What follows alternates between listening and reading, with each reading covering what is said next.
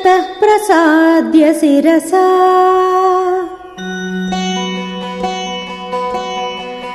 तं विप्रं देववर्णितम् यज्ञाया वरयामास